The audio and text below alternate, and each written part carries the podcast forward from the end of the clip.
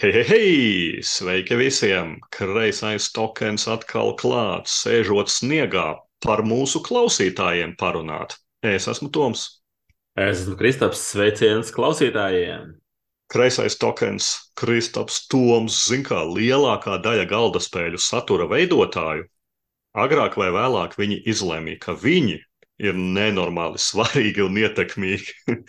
Un ko viņi tad dara? Viņi sāk dalīt dažāda formāta nominācijas un balvas. Pat tad, ja viņus klausās 20 cilvēki vai 20 tūkstoši cilvēku, bet agrāk vai vēlāk visi pie balvām nonāk.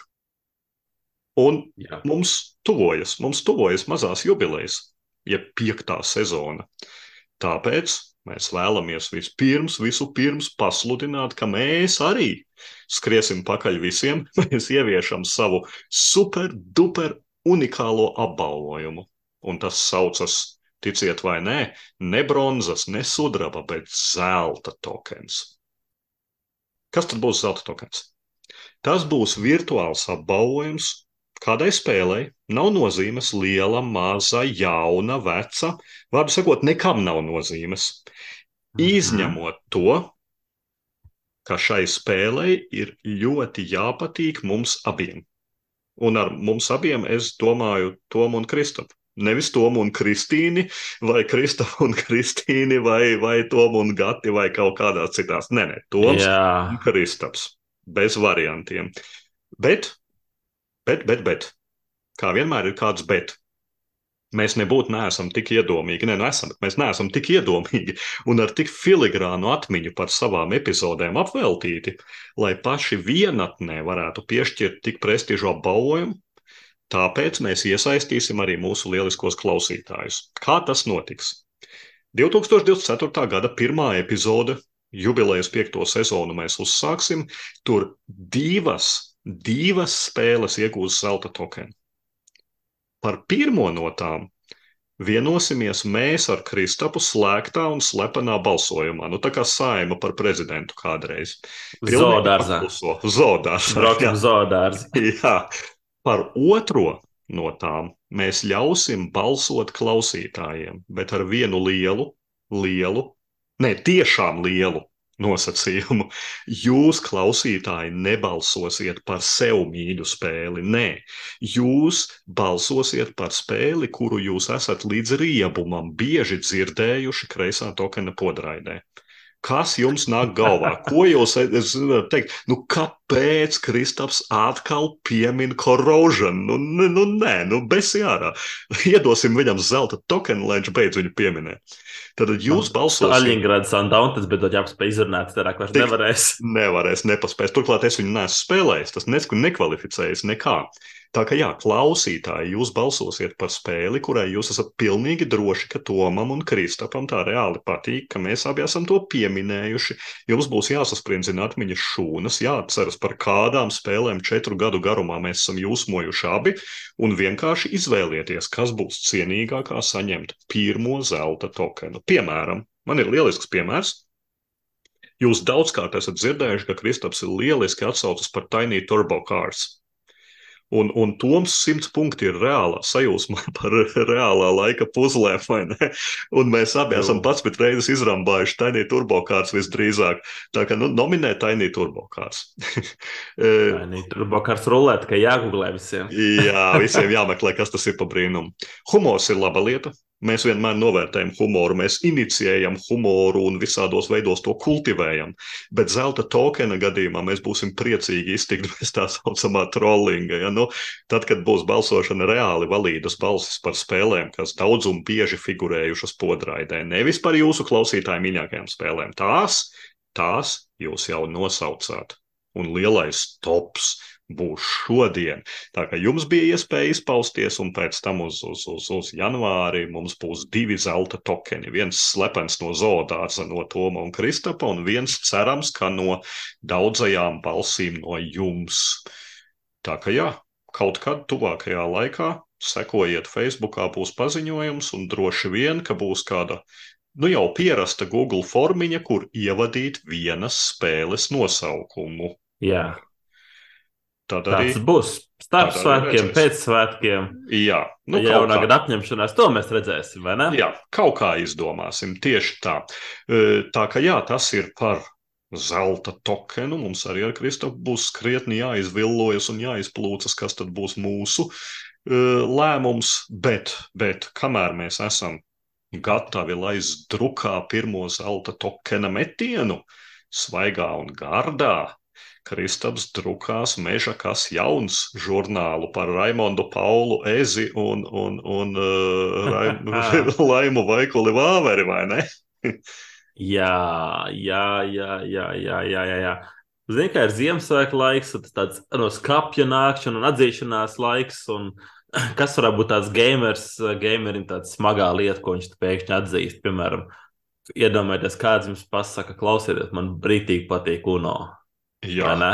bet kāpēc Vai ne? pas- Ātri, hop, hop, izcērt kartiņu sev mājās, hop, hop. apmierināts. Vai pasaka, ka nu, mēs izspēlējam reizes mēnesī monopolu, tas būtu traki un tā tālāk. Tas būtu Un man traki. arī, man arī ir viena tāda atzīšanās, ko tāda kārtīga gameri, kārtīgi gameri to noteikti laikam ieskaitīt, ka šitai, šitai nav. Tas nav nopietni pasākums, bet man ir uznācis baigais pēdējos gados un arī vairāk trends, ka man ir iepatikušās, tagad ievēl kalpu, iepatikušās šās reālaika, jeb real-time spēles. Oh my god! Bū! Man, es esmu no tiem cilvēkiem, kas redz kaut kādu fūzi pirms daudziem gadiem. Kas ar real-time tas nav nopietns, grib izdarīt savus gājienus un viss pārējos. Galvenais, ka Bet- Fuse ir viena no retajām, kas man patīk no real time. Jā. Tiešām labs. Un tas sākās ar Magic Maze, kas ir izcili labs. Un tagad pēdējā, pēdējās divās spēļu reizēs, kad es esmu bijis arī, es tur nāku un skatu, klausieties, cilvēku uzspēlē bongo, kas, kas pie vēlna tur vispār notiek par tetriem. Bet šodien mēs runāsim par vienu citu re- reālaiku spēli, kas ir uh, Fit to Print. Par Lāci, Raimondu un žurnālistu Paulu, kas uh, mani patīkami pārsteidza. Bet nu, sāksim ar to, kas tāds ir. Jo es pieņemu, ka daudz nezinu, kas ir Fit to Print. Tāds mazāk zināms, žan, zināms games, 2000 topos un tā tālāk. Principā tā ir avīzes maketēšanas spēle. Uh, iedomājieties, Everdellu un Everdellā zvēra raksta avīzi par to, kā trusis atrada savu sievu un kā viņi tur manīt ar sesku kopā. Un tas, ko tu šeit dari šajā spēlē, tu maketē savu avīzes lapu piekdienas, sestdienas, svētdienas, un tu lietas tādus maketēšanas elementus. Uh, iekšā kā bildes, pozitīvos, negatīvos rakstus, protams, reklāmas. Un viņiem visiem noteikumi, kā viņi var stāvēt klāt. Nu, pozitīvais raksts nevar stāvēt klāt. Zaļais pozitīvs raksts nevar stāvēt citam zaļajam pozitīvam rakstam klāt. Viena bilde nevar būt blakus vienai otrai bildēm, zināmā krāsas jāto printerim un viss pārējais. Un joks te ir tāds, ka tu to dari reāli laikā. Reāli laikā tu ātri ā, lietas visu kopā, un tā paiet vairāk, mazāk, ā, trīs raundi. Piektdiena mazāks, avīze, sestdiena lielāks, jo tur ir mega avīze, vairāk vai mazāk. Un atkarībā no kā tu esi salicis, tu dabū punktus.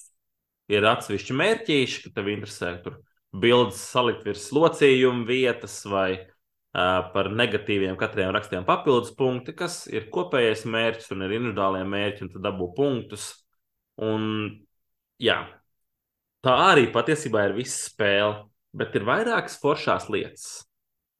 Tiešām, tiešām vairākas, kas te labi strādā. Pirmkārt, tagad nav foršā lieta, neitrālā lieta, un tos visus tev milzīgi daudz.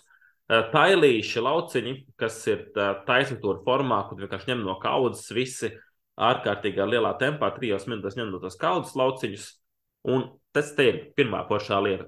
Tos lauciņus, kur tu ņem, tu, protams, var pagriezt, izvēlēties, ņemt vai neņemt viņu, bet tu krāmē nevis uzreiz virsū savā avīzē, bet tu krāmē uz sava rakstām galda, tāds kartona rakstām galdiņš, un tu krāmē. Un iedomājieties situāciju, ka ir trīs minūtes, kopā laiks sagatavot avīzi, un tu ņem no sākuma vienkārši rakstīņus, un projicē, kas būs, tev tas derēs, nederēs, vai tā avīze aizpildīs, vai nebūs pārpildīta un tā tālāk. un tev nav nejausmas to apmēram tādu uh, iekšējo uh, nieru spēku, tur domā un skaties gut feeling, vai ne? Un tas ir itīgi forši. Un man šis risinājums patika krietni labāk nekā Galaxija trackeram, kur uzreiz lietas virsū skaties, projicē.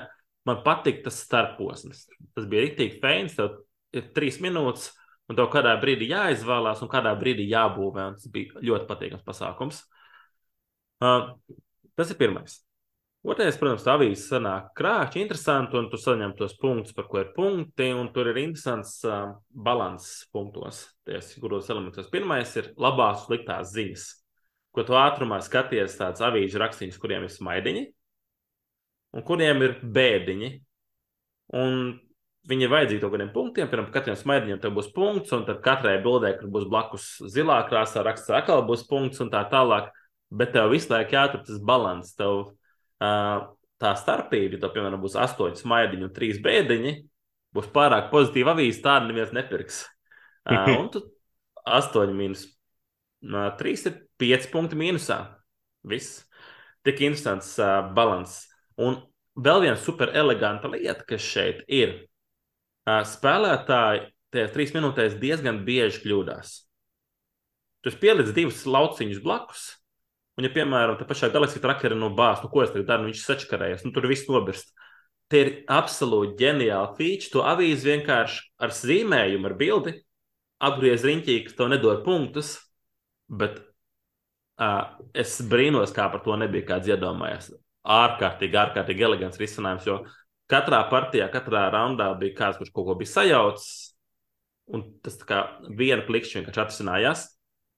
Vēl viena foršā lieta ir, Um, reklāma nozīmīga spēles beigās šī ir viena no tām spēlēm, kur uh, visi nekvalificējas līdz pēdējiem uzvarai. Um, jo ir tāds elements kā reklāmas, un tad skatās, cik katrs saņem no reklāmām ienākums. Ja es saņemu astoņus, piemēram, Arnēs saņem četrus, Toms saņem sešus, tad Arnēs, kā mazākais reklāmas ieņēmējs, ārā no spēles viņam var būt cik viens zināms punkts, bet viss tu nekvalificējies. Nu, tas parasti ir ārnis. Vienmēr tam ir jābūt ārnim. Visās, visās yeah. fit print partijās, ko esmu spēlējis, reklāmas nesavāc ārnis. jā, jā, jā, jā, jā, jā, ārnis jā. nav par naudu, ārnis ir par saturu. tas, tas iegāž iekšā tos uh, trakos uh, engine punktu būvētājs un vispārējos sakalkulēs un pārējā, bet reklāmas nav. Viss fine. Uh, jā, spēlē arī vājās vietas.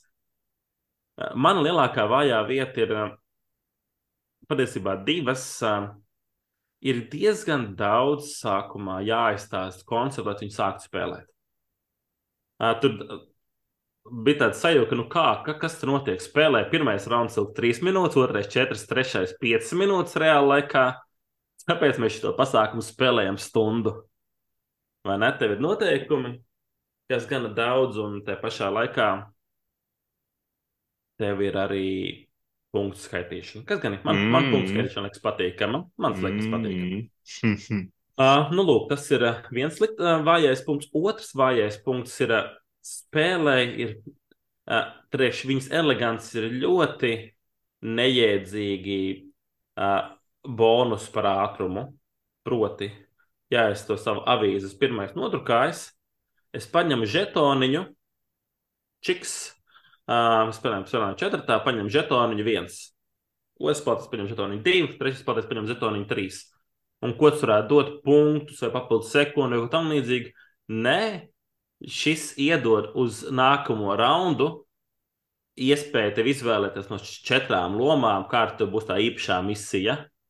Un pirmajam no četriem. Pirmajam izvēlēties. Visi dabūs. Visi izvēlēs. Mm. Jā, un nu, pilnīgi nekādas jēgas no tā nav. Manuprāt, tikpat labi tur randomā var paņemt. Tu tagad izspriest, ka kura ir labāka, kura sliktāka, īsti iespējams tur nebūs. Uh, bet tajā pašā laikā tad, nu, es esmu trešais, un es gaidu, kamēr uh, pirmais spēlētājs tur piecas divpusējas kartītes tur ņem un kaut ko tur skaitļo par sevi jautrā uh, izgāšanās un faileru spēlē. Es nezinu, kāpēc šāds lēmums, manuprāt, milzīga kļūda. Bet mazliet paturpinot, kas man ir iepaticies reālā laika spēlēs, un Fitprint arī tas pats ir. Un pēdējais spēlē man bija interesanta pieredze. Es pirms Fitu principu spēlēju Ņūtonu. Un, ja Ņūtonā man bija regulāri, kā spēles vadītājam, kaut kas kādam jāskaidro, nu tur tas noteikti, šitais noteikti atbilst to jautājumu, šito jautājumu. Reāli, lai spēlēt, tev tas pazūd vispār. Tu vari spēli koncentrēties uz spēlēšanu pilnībā, jo tev ir milzīga atbildība izstāstīt, kas tev jādara visiem. Ir. Un pēc tam, kad tas kvalitatīvi izstāstīs, ja viņi sačakarēs, tā ir viņa problēma. Uh, viss, uh, viss kārtībā. Mums, manuprāt, tajā partijā, ko mēs spēlējām, mums noteikti izstāstīja ļoti labi un ļoti skaidri. Un, ja tu neesi klausījies, tad tev tas paiet malā. Un vispār tā kā es pārsvarā vadu ļoti, nu, pārsvarā ne, bet ļoti, ļoti daudz arī vadu un mācu spēles, šis bija reāli patīkami. Uh, tu izstāsti, darbojies, un viss noteikti nav jāatkārto. Un tu saskaries ar kādām prasmēm, un ātri povējies, ātri darbojies. Viss. Tā kā man bija laba pieredze, es lieku to vērtējumu tādu ļoti stabilu septītnieku varbūt pat varētu pielikt 7,5, bet no tāda reāla laika spēlēm šis ir viens no tiem uh, labajiem, labajiem variantiem. Tā kā, jā, pita printa un apskats. Uh, tu pats esi arī mācījis, man tā izklausījās viņu. Es neesmu mācījis tikai principā. Nē, es, tu, tu stāstīji tā, it kā tu būtu mācījis riktīgi, ka šo ir viegli iemācīt vēl kaut ko.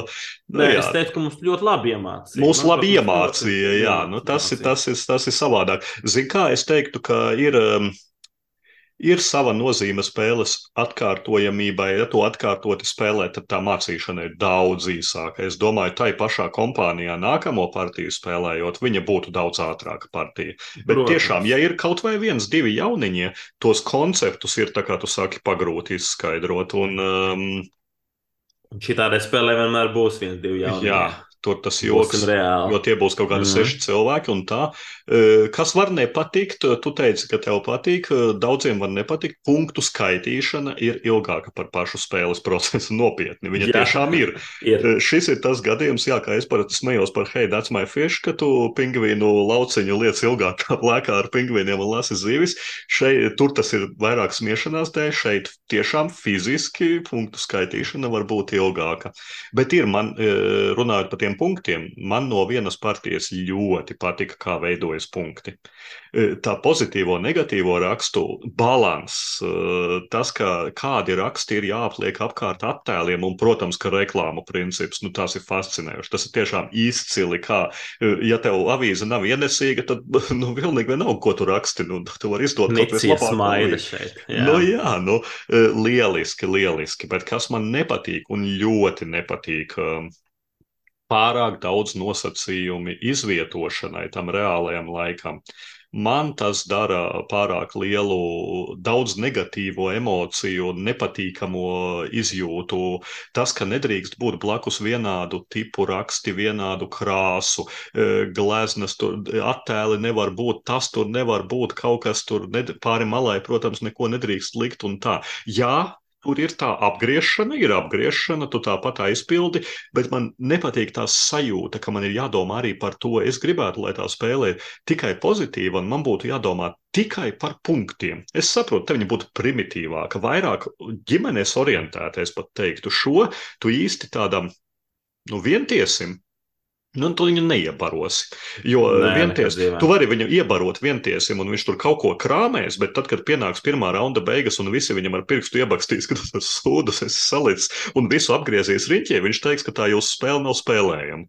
Starp citu, mūsu partijā bija pēc pirmā raunda vienā spēlē bija mīnus 3 jā, punkti. Jā, tur var dabūt mīnusus tieši tā. Nu, lūk, mm. un man arī man šoreiz es pieslēdzos vientiešu pusē, man, man tie ierobežojumi, kā, cik daudz tev ir negatīvo lietu, kur tu vari kaut kur ne tā iebraukt, man viņi traucē. Man patiktu, ja tas būtu tikai par punktu vākšanu, kuram labāk izdodas vākt punktus, un, protams, reklāma. Jā, nu, tad tur spēles beigās tas nezināmais, kurš tad vismazāk reklāma ir savācis jā. to izbaros meža krokodīliem. Nu, tas, nu, tas, tas man patīk. neliekas pārāk kritisks par to lauciņu likšanu pa lielam. Tas ir tā, ka tu nevari divus vienādi lauc, vienā tipa lauciņus likt blakus un viss. Jā, bet tie tipi ir daudz, bet tie tipi ir daudz, un, un arī rakstiem ir krāsas, trīs vai četras krāsas. Tu nedrīkst likt rakstus krāsu blakus un tur tā. Nu, nu ir, tev tu vienlaicīgi tev ir jādomā divās frontēs par to, kā tu vāksi punktus un ko tad tu nepieliksi vienam otram blakus. Un ja tu beigās esi savācis domājot par vienu un aizmirsis, tu saproti, es te neko nevaru saķimerēt, man nojūg viss koncepts. Man nepatika, bet, bet kopumā ir fini ir fini. Eh, noteikti var uzspēlēt no, no tādiem reālā laika. Man Galaxija Trackers patīk labāk, noteikti. Magic Maze apmēram šajā līmenī varētu būt. Bet, bet, bet mhm. ir daudz sliktāki real-time kooperatīvi, piemēram, Escapes, kurš man rīktīgi riebi jau un, un ir. Jā, jā, jā.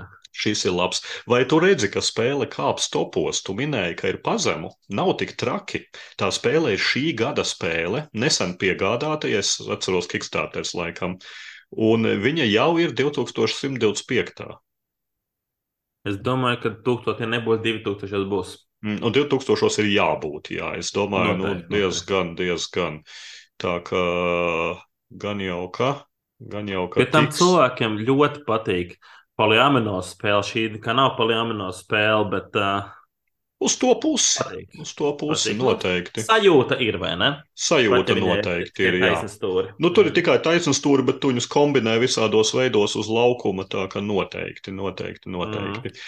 Interesants variants un tavs uh, trends. Uh, redzēsim, kā tas turpināsies 24. gadā. Vai, vai mēs vispār varēsim dot vēl kādu zelta tokenu, vai tu aizies pilnīgi real-timos un viss, un podraidi beidzam, Kristaps tikai yeah. kapā tieši saistībā testē visu.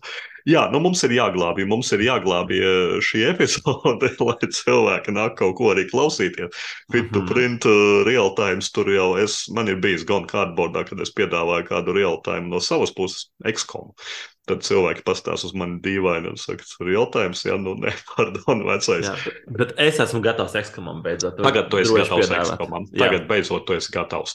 Nu, Jā. lūk, un, uh, lai glābtu epizodi, mums vajag kaut kādu lielāku smagsvaru, un tas lielākais smagsvars ir uh, tas, ko mēs neplakšķināsim un neliksim starp lapām, un kā tur bija, ne, ne herbārijas, ne, kas bija tur, kur taureņus bāzes starp lapām, vivārijas, suns viņu zina. Šeit mums būs apjārijas par bitēm.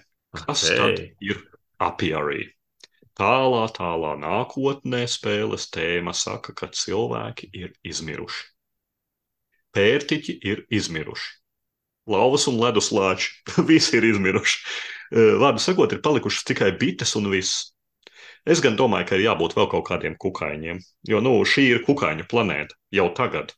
Un, ja kāds netic izaiet vasaras vakarā ārā bez repelenta, man liekas, ka bez mūsdienās neviens vairs neiet ārā izpūties. nu jā, bet tās bites. Ja īstajā dzīvē bites baidās no 5G vēl vairāk kā antivakseri, nu tad apiārijā tās ir megabites. Viņas ir pārdzīvojušas visus 5G, visus planētas ļaunumus, Covid.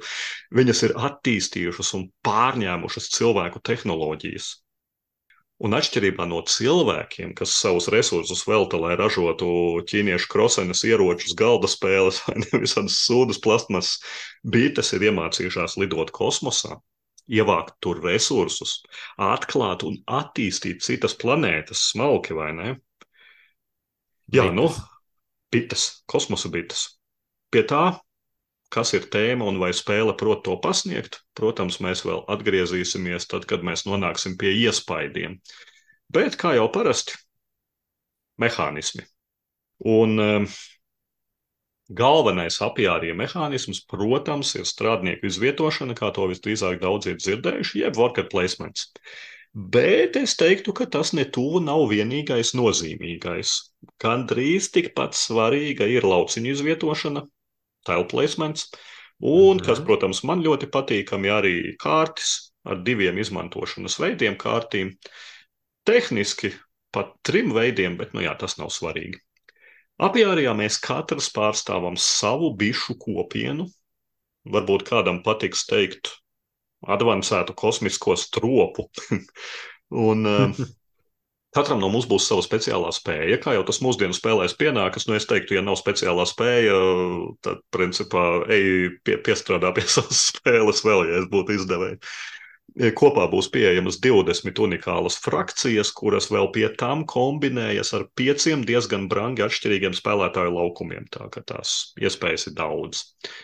Un tad mums būs dažas darba bites vai strādnieki, kuras tad mēs viet, izvietosim uz tā galda. Un tas, kā mēs spēlējam, ir diezgan klasisks resursu menedžments ar spēcīgu lauciņu izvietošanas piesitienu. Kā tu viņus liec, tam būs liela nozīme.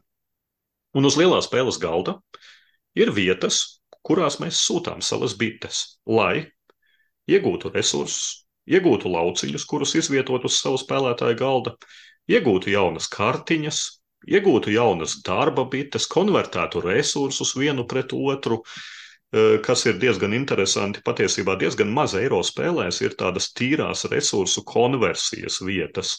E, ir, protams, bet, bet tādas, kur tu reāli aizēji un tu savu pilnīgi nevajadzīgo zeķi iemaini pret diviem uzpirksteņiem vai kaut ko. Nu, šeit tāda vieta ir. Un to var darīt daudz reizes, ja tu aizsūti gana stipru biti, tātad resursu konversija. Kas ir forši? Un varbūt mazāk tipiski standarta worker placement mehānismam. Apjārijā ir tā saucamā strādnieku bampošana, jeb uh, izspārdīšana no vietas. Līdzīgi kā citais tonmēr spēlē Euphoria. Tas nozīmē, ka strādnieku izvietošanas vietas apjārī nav ekskluzīvas, nebūtu ne. Gluži pretēji, tu pat gribi, lai kāds nāktu līdz pēc tevis, un tad tu meklē iespējas iet uz turieni, kur ies nākamais spēlētājs. Jo worker placementos eh, bieži vien ir tas strādnieku atpakaļ savākšanas gājiens, kurš ir nu, tāds, tāds tukšais gājiens, vai ne? Šeit tas ir krietni retāks, jo tu savas bites dabū atpakaļ no pretinieku darbībām. Viņi aiziet uz vietu, kur stāv tava bita. Tu viņu dabū atpakaļ. Tev ir atkal aktīvs jauns strādnieks.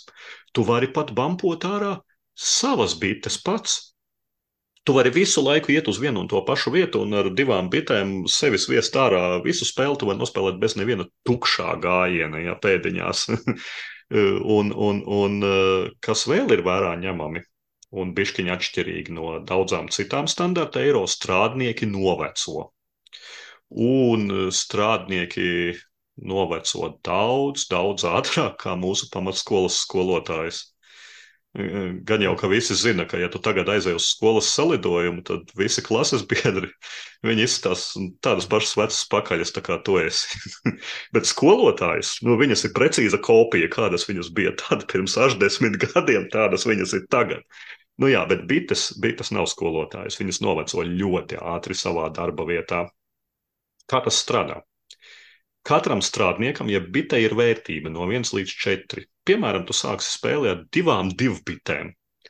Tiklīdz tava divbite atnāks mājās, vienalga vai tu to atsauci vai kāds izbumpoja, tā paliek vecāka. Divbita paliek par trīs biti, trīs bita par četru biti, četru bita par pieci biti. Kā tad gribējāt figu jums? Lieldienu zaķa nav, un nekādas piecbites arī nav lai ko jums raksta pasaku grāmatās, četri bite nomirst. Samierinieties ar to. Ok, nu, spēle to pasniedz tā, ka bitēm ir atklāta tehnoloģija, lai vecās bites varētu hibernēties un gaidīt augšām celšanu. Bet šito stāstu, lai viņas mēģina iestāstīt vecajām četrām bitēm, kad viņas zina uz Viņam arī bija kuģi, kur viņas ar jaunavām sarunājām govīm. Jā, jā, jā, un Lord of the Ringos arī elfus aizsūtīja kuģi uz uh, labāku pasauli. Pansionāt. jā, jā, jā. Tā kā jā, vecās četrbites, tur, tur ir vajadzīgs iemesls, lai izdzītu viņus uz lauka strādāt, acīm redzot, un te viņām stāsta, ka tu nevis mhm. nomirsi, bet tevi ieliks hibernēties. Bet četrbite ir jaudīgs darbonis. Četrbite viņa ir tā kā pieredzējusi trolēbusu vadītāja mudīta. Viņa zina vislabākos ceļus, vislabākos veidus. Ja tu sūti uz spēles galdu četrbiti, tev būs brāngs bonus. Ir pat viena vieta, kur vispār drīkst tikai iet četrbites Tā kā piena puikas mazās bites metiet līkumu. Nu jā, un uh, sūtām bites, ievācam resursus, būvējam savam stropam klāt paplašinājuma lauciņus, attīstām strādniekus, spēlējam dažādas kartiņas, kamēr ir nomiris, nē, atvainojos, hibernējies noteikts skaits četru bišu. Un tad spēle beidzas. Kā jau kārtīgā eiro, kaudzēm veidu, kā dabūt punktus, skaitām punktus, kurus mēs esam ieguvuši, un ar to arī spēle beidzas. Tad visbeidzot, kopējie iespaidi, vai tad man tas viss patika gana labi. Un, uh, kad apjā arī pasludināju, es te kreisajā tokenā teicu, ka nu ir, ir pienācis laiks Stonemaier gamiem tikt pie kāda nopietna hīta. Nu, tu nevari gadiem taisīt Džeimija personīgos IP favorītus un dzīvot uz mūžzaļo wingspanu, uz saitu un viticulture. Nē, nu, vispār jau var. Ja kompānija apgroza 11 miljonus gadā, droši vien, ka var mierīgi. Bet vai apjā arī būs tas hīts? Um, skatīsim. Jo Geek karstuma jeb hotness listē, nu, turas, turas bites daudz ilgāk par ekspedīšaniem, un tā viņām ir laba zīme. Uh, bet šobrīd apjāri ir ārpus pirmā tūkstoša, un tas vairs neskan tik labi. Jo tādi īsti esenes megahīti, nu viņi parasti šo divu mēnešu laikā līdz Ziemassvētkiem tiek tūkstotī, un ja tas ir super duper izcilais eksemplārs, nu tad pat 500 niekā. Bet labi, lai cilvēki domā, ko viņi domā, nav jau tā, ka viņiem ir teikšana. Mums ir. Tāpēc ķeramies pie tēmas patikas. Bites kosmosā daudziem izklausās dīvaini. Man ideja patīk. Es toreiz Kristaps pa mani pasmējās iepriekšējā reizē, bet zina, kā grafiskais noformējums stāsts nav vainas. Interesants fakts. Spēle sākumā, protams, bija ar dabas tēmu.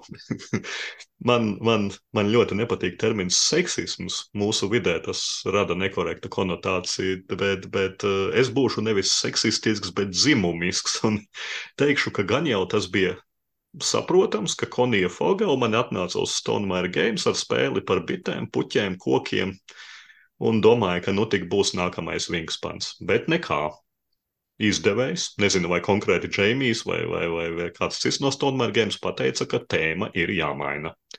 Un es esmu ļoti priecīgs, ka tā.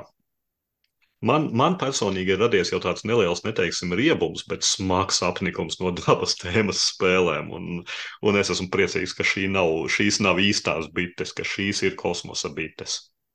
Bet vai tā kosmosa bišu tēma Vai tā strādā šai spēlei un mehānismiem? Nu, laikam jau īsti nē. Lai piedod man, bet spēles laikā nu nereizi es neiedomājos par to, kā manas bites ražo vasku, inkubatoros auglē, audzē jaunās bitītes, tur pavairo ziedu sēklas. Nu nē, tas ir mehānisma eiro, un pie tā arī paliksim. Bet, ja jau tas ir mehānisma eiro, tad tur ir jābūt labiem mehānismiem, vai ne? Un Mehānismi, manuprāt, strādā lieliski.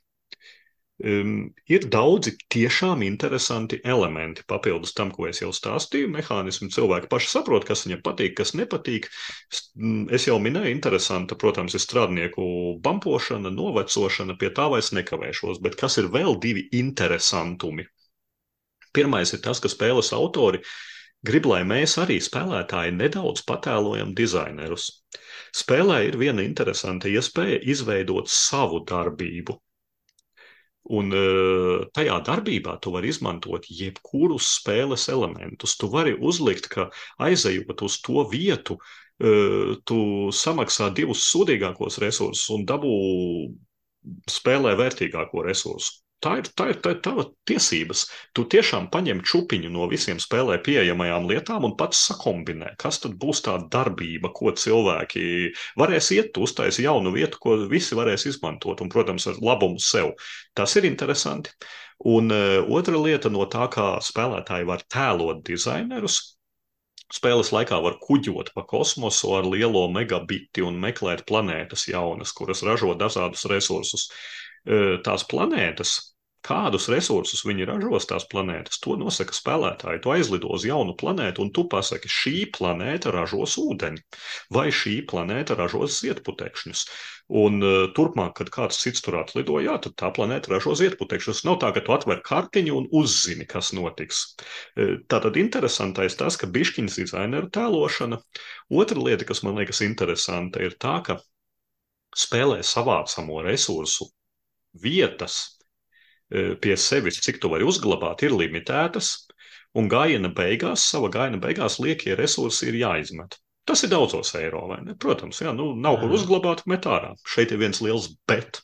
Dažreiz tu gribi šos resursus izmest, jo katrs izmestais resurss dod iespēju skriet uz augšu solīti pa ļoti punktīgu treku. Tāpēc spēlētāji dažreiz speciāli, cik vien neefektīvi var cenšas izvietot resursus, jo tu nedrīksti mākslīgi tos mest ārā. Ja tu vari uzglabāt, tad bites to resursu uzglabās. Bet, ja tu tiešām nevari, tev nav kur likt, nu tad sviežam ārā. Un, un tu tiešām brīžiem gribi gājiena beigās izmest pēc iespējas vairāk resursu, lai kāptu pa to īpašo treku. Kas vēl? Kas vēl, ko parasti pie eiro runā? Interakcijai es teiktu, ka ir daudz, tādam eiro līmenim tiešām daudz. Pirmais, protams, tā strādnieku apmaiņa un bampošana, bet arī tas, kā tiek atjaunots uh, lauciņu tirgus, uh, ir diezgan liela nozīme. Tas, kā tuvojas spēles beigas. Spēles beigas, es teiktu, ka nu, tas nu jau tās Stonemaja spēlēm diezgan tipiski ir tā, ka tās spēles beigas var pienākt ne visiem patīkamā tempā vai, vai, vai, vai laikā. Un tas ir tieši tāpat kā saitā ar sesto zvaigzni spēle beidzas, Euphoria beidzas spēlē ar desmito zvaigzni. Un šeit arī, tad, kad kāds spēlētājs ir izlicis visas savas uh, mirušās, ne, bet hibernētās četrbites vai arī vietiņas ir aizpildītas, spēle beidzas. Tā kā jā, interakcijas ir daudz, Pašlaik man spēlē ar katru partiju iepatīkas vairāk. Ja pēc pirmās partijas es biju drošs, ka karalienes treks, viens no tiem, kur var dzīt punktus, ir pats spēcīgākais, vienmēr, ja tu gribi uzvarēt, dzen uz priekšu. Pēc tās pirmās partijas es esmu uzvarējis pilnībā ignorējot šo elementu. Es esmu uzvarējis spiežot uz kārtīm, es esmu uzvarējis spiežot uz lauciņu izvietošanu un arī kombinējot dažādos iegūšanas elementus. Tāpēc es teiktu, tā saucamais variability, ko meklē daudz, manuprāt, ir milzīgs. Bet tas mīnusiņš, kas var nepatikt, tiem, kam nesimpatizē, ka viņiem zināmā mērā nosaka virzienu, kurā doties, nu, tad te var būt nesaprašanās ar apiāriju. Jo spēles sākumā tu izvērtē, kas ir tava speciālā spēja, kas ir ļoti svarīgi. Kādi spēles beigu punktu lauciņi ir uz galda, kādi vēl ir elementi, un tad tu nosaki to stratēģiju, ko tu partijā darīsi, un visdrīzāk tu pie viņas diezgan arī pieturēsies. Nebūs tā, ka tu tur īpaši fluktuēsi vienā otrā virzienā. Nē. Esmu pārbaudījis solo. Solo ir labs, solo strādā, Tā kā solo gameriem noteikti, bet nu, tur ir viens tik sasodīti riebīgs un nesaprotams noteikums. Wow. Es, es teikšu godīgi, ir vieglāk izstudēt par entomologu un izprast bišu lidojumu nopietni, kā iemācīties automas bites kustības virzienu. Tiešām tas ir tāds sviests. Es saprotu, ka varbūt viņi savādāk nevarēja. Nu, nē, nu vienmēr var savādāk. Tas ir sviests. Bet, ja kā no kavas? nu, jebko varēja izdomāt, bet, nu, es nezinu, tik, tik nejēdzīgi. Bet kopumā, nē, nu, ja neskaidro to vienu elementu, tad solo, solo ir forši.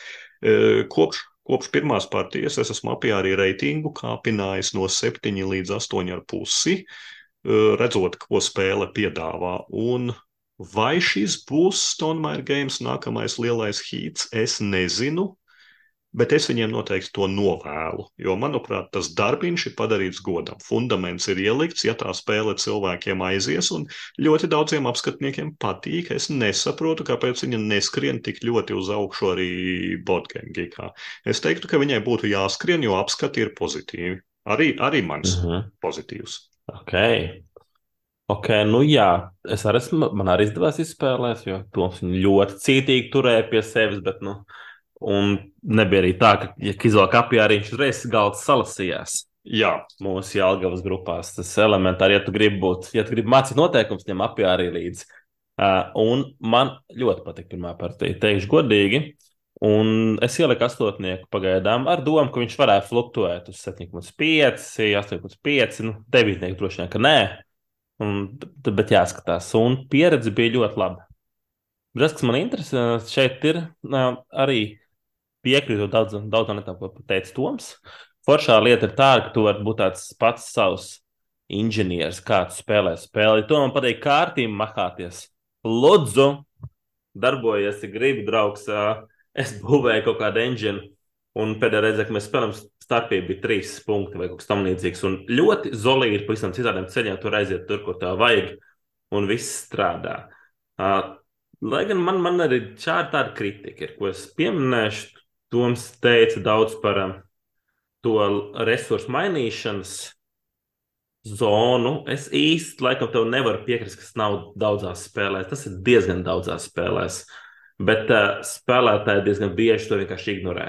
Mm. Uh, jāsaka, ka bieži nezināšanas pēc, piemēram, uh, pirmkārt, tas ir katanā vai ne, tas ir vai ne, bet uh, ejot tādu visdziļāk, Zolkins ir piemērs, kur ir resursu mainīšanas vieta, kur pārsvarā neiet, jo visiem tas tā kā de facto šķiet, ok, es zaudēju gājienu, tur mainīju no, viens labumu pret citiem labumiem. Un es esmu pamanījis, ka es bieži to neizvēlos darīt, un arī šeit man likās tāda bajas, ka šī nav tā interesantākā zona, kur kaut ko darboties. Un, ja es varētu apiet kaut kādu efektivizāciju, labprāt to apēju. Tā kā uh, nu, tas aspekts man likās tāds mazāk interesants. Mm. Jā, jā, jā. Bet, tā nu, ir. Uh, vēl viena lieta, kur mazliet man kritika ir, es esmu laikam mazliet izlutināts no Stonemeja, es būtu gaidījis uh, vizuāli sak sakoptāku spēli. O, jā. O, jā. Man liekas, ka tie zaļie lauciņi un zilie bišu lauciņi un sarkanie lauciņi, viņi baigi neiedarās. Īpaši tie zaļie fermu lauciņi, tev ir kosmos bits un tur kaut kāda zāle vienkārši. Kas te LRT notiek? Un tur dizainiski uh, man patīk elementi un ir fantastiski foršas bites kur griežās zriņķi. Ļoti mm. elegants risinājums. Uh, Itāļu dizaineriem tie būtu metamie kauliņi. Okay? Protams. Uh, šeit ir ģeniāls, ģeniāls risinājums, un kūģi tev ir jau gatavi preprintēti. Kādam var patikt, vai nepatīk, viņa ļoti pārsvarā izies ārā no sava robežas laukuma. Tas ir sīkums. Bet tas krāsu salikums ar tiem zaļiem, zeltainajiem un visiem tiem elementiem, nu, viņš, manuprāt, uh, ir aizgājis to solīt atpakaļ no iepriekšējā Stormēra līmeņa. Mm. Bet nu, kopumā iespējas labs, forši eiro. Es patīkami pārsteigts, to man patīk, jo vairāk vai mazāk šis man atgādina tādu felda dizainu. Uh, daudz gribi to punktu, visu kaut kur dod. Jā, jā, kind of, jā. jā. Nu, var jau būt, ka vienkārši tas, kas Stonemajas un tā, nu, varbūt tāpēc. Jā, jā. Bet es teiktu, viņš ir tāds mazāk sauss par Feldiem. Man viņš jūtas mazāk sauss. Lai arī, protams, es teicu, ka tēma Burgundija vai ne? Nu, jā, nu, ka es te nejūtu baigo tēmu arī apjārī, bet kaut kā šī, šī bestēma ir slapjāka par Felda bestēmu. Un, un, un, un, un, jā, bet, nu, ja jau mēs sākām šo te kritiku, labi, labi, labi, nu, var jau pakritizēt. Es arī tādā veidā es biju bišķiņ piemirsis, bet um, par, par, par uh, grafisko noformējumu. Nu, punktu treks, lielo punktu treks ir ļoti vājš. Uh, arī daudzi, kuriem ir sliktāka redze vai kas, uh, ir arī kritizējuši, nu, kam on, nu, tas nav mūsdienu moderns. Kosmos, iedomājieties, galvenajam, galvenajam galdam, nu, ir kosmosa tumši violetās un tādas krāsas. Un viņas ir zem punktu treka, un uz punktu treka melnā krāsā ir punkti. Nu, piedodiet man, nu, tur sākot ar kaut kādu 45 līdz 70, tu praktiski neredzi, kur tu bīdi kauliņu. Tas ir brutāla lietojamības kļūda tiešām. Un, mm. un, un uh, par lauciņiem. Uh, Tas, ko tu minēji, Kristap, man tur īpaši vienalga, kā tur uz tiem lauciņiem dizains, bet tie lauciņi, tā milzīgā kaudze, iedomājieties, tā tad heksagona lauciņi. Nu, tiešām Jā. fermu kaudze ir milzīga.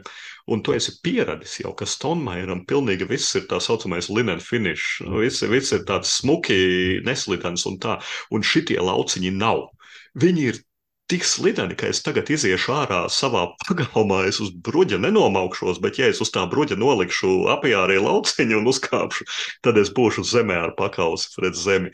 Viņi ir tik slideni un maisot, viņi vienkārši tā lielā čupa ar heksagonu lauciņiem, viņi tā slīd, ka viņi izbirst pa galdu, nokrīt zem galda. Nu, var jau būt, ka izlās rokas kāju vietā un otrādi, bet, bet, bet viņi ir kaitinoši slideni. Un tas ir tā kā tie, kas zina, kaut kur ir strādājuši ar lielajiem printeriem, tu nopērc eh, lapu ar glancētajām A4 paku lapām, ieliec printerī, un, un, un printeris nosprūst, jo viņas, vien, nu, viņas slīd vienkārši viena pret otru. Jā. Un tad iesaka, saberzējiet tās lapas. Man pilnīgi prasās visus tos tīzlos lauciņus apjārijā vienu pret otru rīktīgi ilgi paberzēt, lai viņus varētu normāli samaisīt, lai viņi neslīdētu pa to galdu, tā kā puņķis pa ledu. Bet, nu jā, jā, Mm. jā. Tas, tas, tas nu tā, vairāk uh, tāda nodeva kritikai. Bet, nu, jā, kopumā, ja es tā skatos, tad pa gadiem atpakaļ Stonemērs reizes divos gados izdod oriģinālu saturu. Tad tagad ir apjārījis, kas man pat ir izdevies. To 500 pirms diviem gadiem bija Red Risings, kas ir foršs, bet droši vien, ka no biznesa loģikas viņam nebija izdevies. Mm. Arī ņemot vērā, cik viņam cenas iet, bet nu, mums patīk ar to abiem diviem. Un vēl pirms diviem gadiem, 19. gadā Wingspans, jā, kas jā. divi gadi jauns oriģināls saturs, un tad ir promo un versijas. Do, un, es nepiekrītu par oriģinālo tā- saturu, jo Red Risings ir fantāzija rāms pārbūvēts. Tā kā es pat teiktu, ka Nu, līdz. Tur ir daudz pārbūvēts. Tur ir daudz pārbūvēts. Es teiktu, ka kopš Wingspan nekas nav bijis. Nē, no Expeditions ir oriģināli jauna spēle. Nu, nē, nav runa, bet viņa ir. ir. kā retaliations un uh, nemes. Tas jau Nu, nu, nē, nu, spēle ir pilnīgi cita. Bet, protams, tas, ka tu izmanto to pašu ideju un, un, un universu, jā, nu, tu nevari pateikt, ka tev ir kaut kas jauns. Bet es teiktu, ka jā, Nu, jā. nu, šis ir jauns kopš Wingspan un, un, un Mm. mm. stilīgi ieturēta dzīvnieku un dabas tēma, bet palaidām viņus kosmosā. Mans nākamais ierosinājums būtu palaidām viņus pavisam tālu kosmosā un netaisām vairāk šitās dzīvnieku un dabas spēles. Pirmais solis ir spērts. Uh, redzēsim, Jā. kā tas ies pa gadiem. Runājot par gadiem, nu, pamocīsim vēl tos klausītājus. Pirms jūs, klausītāji, dzirdēsiet savu megatopu, ko visi gaida, bet nu nevar, nu vajag taču arī mums vēl kaut ko parunāt. Tāda maza, maza kreisā statistika. E, Visi droši vien zina, Spotify e, pasaka, ka tu esi pasaulē labākais klausītājs. Tava mūzikas gauma ir unreāli e, izcila un, un, un, un, un visiem šito klārē katru gadu, un tad pasaka, davai paņem uz trim mēnešiem bezmaksas un pēc tam maksā. Un tā mums arī, mums arī kā podraidas veidotājiem, viņš uh, pastāsta, kas tam mums ir bijis šogad. Man vienmēr kaitina, ka to Nu, dod nu. nevis jaunajā gadā, bet, bet, bet decembrī, un tad tev neiet iekšā decembra epizode, bet nu kā ir tā ir. E, Mūsu top epizode šogad bija reitingu kari. Atceries, mēs runājām par Brasu un Glumhavenu, un tas bija tāds nopietns, nopietns pasākums. Nu, pilnīgi pelnīti. Tas arī bija liels jā, notikums. Tā bija laba epizode. Boardgame geek, kā apdz, tur, tur tiešām tā ņemšanās, kā tur viena spēle otru apdzina. Tas, tas nenotiek katru reizi. Un, un, un skaidrs, ka reitingu kari bija tā, kas piesaistīja visvairāk. Un, un tur arī bija mūsu mākslinieks Kristaps, manuprāt, viena no labākajiem attēliem izveidojis, uzgleznojis. tai, Paldies, Tai- paldies, paldies. Jā, tā man ļoti patika, kā vilciens nobrauc gandrīz vai Glumhavena džeku. Tas, tas, tas bija labs. Um, 31% no mūsu klausītājiem mūs ir atklājuši 23. gadā. Fine, labi, tā tad teorētiski augam. Arī jūs, klausītāji, tātad jūsu skaits pa bišķim aug, un, un, un uh, ir tādi, kas mūs atklāja tikai šogad joprojām. Es nesaprotu, kā tas notiek, zinot Latvijas galda spēļu vidi, un mēs esam nu, pilnīgi Latvijas orientēti, nu, bez variantiem. Uh, bet, bet, bet patiesībā, jā, es, es pats zinu diezgan daudzus, kas mūs noteikti neklausās, bet kas ir nopietni gameri. Un, un, un īpaši reklāmiski un uzbāzīgi mēs neesam. Tāpēc, Jā, kā saka, ja paši atradīs un uzdursies mums, tad lai brīnās, kas tie tādi ir, kas tur runā. Un epizode, pie kuras visvairāk ir ķērušies jaunie klausītāji, protams, ka ir pati, pati pirmā, pirmās sezonas epizode pilots Alusbārā. Uh, Tur sāk lielākā daļa, nu, loģiski, loģiski, bet pati, mums, ir, mums ir tāds viens projektiņš, uh, tad jau paskatīsimies, vai tā turpmāk būs tā epizode, ar kuru sākt, vai varbūt tiks ieteikta kāda cita, redzēsim. Jā, nu, Mūsu klausītājiem ir laba gaume. Protams, ka Spotify saka, ka ir laba gaume. Es iedomājos, ja viņš pateiks, ka taviem klausītājiem ir rīktīgi šitīga gaume. Un nesaprotam, kāpēc viņi jums klausās. Tātad par ko klausās mūsu klausītāji podkāstus, par No, no, no. sabiedrību, sabiedrību un kultūru. Nes mēs arī tur ietilpstam vai nē. Tad Protams, ir eh, brīvai, protams. brīvais laiks, varbūt, ka mēs tur ietilpstam, un komēdija. Nu, komēdija nezinu, ja tie ir stulbie bļaustīgi amerikāņu sitkomi, tad, tad, tad mēs esam švakā kompānijā. ja tā ir tāda smalka līmeņa itāļu komēdija, nu tad labi, tad derēs, tad derēs. Bet foršākais būs uzzināt, kādu mūziku klausās mūsu klausītāji. Kas ir mūzikas stils, ko visvairāk klausās mūsu klausītāji? Kristaps Saki. Mini. Uh, kaut kāds bērnu šūpuļu dziesmas. Tu domā, nē, nē, tik traki nav. Nu, es saprotu, šeit uh, netiek nu, labi, apskatīts. Labi, labi, labi. labi, labi. Uh, teiksim, kaut kāds uh, pankroks. E, e, tuvu otrā daļa bija ļoti pareizi. Tas ir roks. Tas ir tāds, okay. nu, tāds lielisks, kvalitatīvs roks. Es domāju, pat mūsu metālistiskie biedri, klausītāji, viņi teiks, nu labi, nu roks varētu būt pirmajā vietā. Kāpēc ne? Mm, otrā ne, vieta. Veidiks, ja? Jā, nu, otrā vietā. Tiem, kas klausās metālu, viņi teiks, nu, tas jau ir švakāk. Es teikšu, nu, kā ir, tā ir. kā ir, tā ir. Tas ir pops. Nu, pops, oh. pops no vārda populāra. Mums patīk, ka mēs esam populāri. un lai mums klausās popu, nekādas. Roķīgi un populāri. Jā, nu par trešo vietu man ir, man ir savs viedoklis, bet uh, tas ataino valsti, kurā mēs strādājam, un par to prieks. Trešā vieta ir Latvija pop. oh. uh, jā, nu, nu ir, ir, ir ok. Jā, nu, gan jau, ka tur iet iekšā visas prāta vērtības. Nozīmē, ka mēs esam Eirovīzija nākošajā sezonā obligāti būs jāsāk strādāt. Mēs pat varam mēģināt uzaicināt Markusu Rīvu un paprasīt, ko viņš spēlē. ka viņam neiet katru kādu laiku. Varbūt, ka tu vismaz kodnēm vari uzspēlēt ar mums vai kaut ko. Tas varētu būt labs. Jā. Nu, ja mēs zinātu iepriekš, ka latviešu pops ir tas, ko klausītāji grib, mēs būtu sākuši jau aicināt Triānu spārku, vispārējo, nevis tur visādus glumheivenistus un visu ko citu, vai ne? Jā, mēs esam, mēs esam vēl uzaudzējuši 20% sekotāju pagājušajā gadā par 91% audzis streamu skaits, whatever it means, vairāk reizes visādas epizodes klausītas, lai tā būtu. Mm -hmm. Kamēr tie cipari iet uz augšu, man tas patīk. Uh, tie cipari, pa ko es pagājušā gadā čurāju biksēs no laimes, bija, ka mēs esam numur viens podkāsts, cik un cik faniem. Nu, mēs turpinām būt, mēs esam numur viens podkāsts 25 faniem, riktīgi forši. Paldies oh. visiem 25. Es neko un... citu nav dzirdējis. Visdrīzāk, visdrīzāk, jā, jā, jā, bet nu nevajag noniecināt tos, kas neko citu nav dzirdējuši, jo viņi ir dzirdējuši jo. būtībā labāko, kas ir pieejams. Nu, tad nevajag arī neko citu meklēt.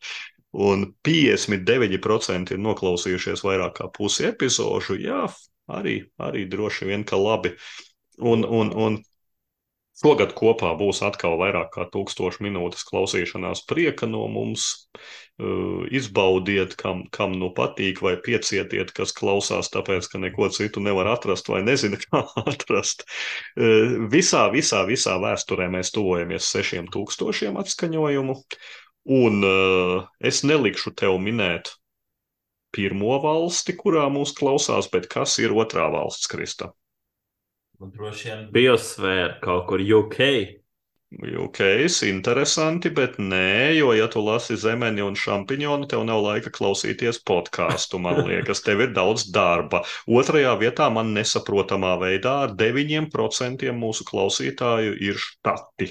Es teiktu, ka tas ir kaut kāds pentagons oh. vai kas.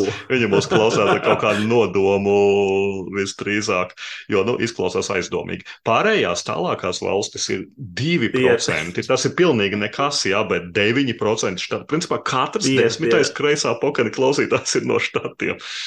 Imperial Salt and Stars zvaigžņu karfāni, ja ieliec Instagramā kaut kā tādu bildi. Un tad viņi ieiet un klausās baigi aizdomīgi, jā. jā. Eh, lielākā daļa klausās mūs no Spotify, protams, arī 15% no brauzera. Eh, Androids diezgan nospiedošā pārākumā, gandrīz puse klausās no Android devaisiem, 20% no iPhone. Tā kā tas ir statistika. Jā, jā, jā, kas man ļoti patīk. Es neatceros pagājušā gada statistiku, bet man šķiet, ka es kritizēju tevi, Kristap, ka tu e, briesmīgi aizbaidi daļā dzimumu pārstāvis. Nu, vai nu tu esi labojies, vai viņas ir kļuvušas norūtītākas, jo šobrīd. Man arī ir mazākas prasības. jā, šobrīd mums ir precīzi 2 pret 1, 66% džeku, 33% meiteņu. Super.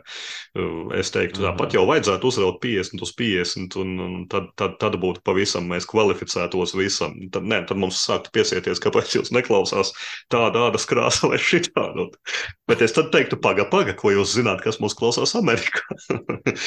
um, bēdīgs, Jā. tāds ļoti bēdīgs ir vecuma grupās, vai arī pat ļoti priecīgs. Es nezinu. Uh, visi, visi mūsu klausītāji, nu, praktiski visi ir starp 23 un 59. 0%. 60 un, un, un 0,2% zem 23. Tātad, basically, mēs esam tik precīzi tajā gameru auditorijā. Nu, pilnīgi prasās aiziet uz pansionātu un uzsēdināt kādu vecu tanti vai onkuli uz kreiso toku normāli viņi no kreisā tokena lec uz brīvā mikrofona kruspunktā, pat taisnām. Viņi tur sāc saklausījušies visādas joks. Jā, nu, tas, tas ir, jā, bet nu, tas absolūti nospiedošais gandrīz puse ir precīzi mūsu ar Kristapa vecumu, un tā tad ap tiem zelta 40. Tad, principā, sev mēs arī stāstām visu. Paga, paga. visu, visu arī saprot visi, un, un, un vēsturiski, jā, nu, pilots Alusbārā, kas bija mūsu pirmā epizode, ir jau uzkāpusi virs 250 pār pārliecinoši priekšā visām epizodēm.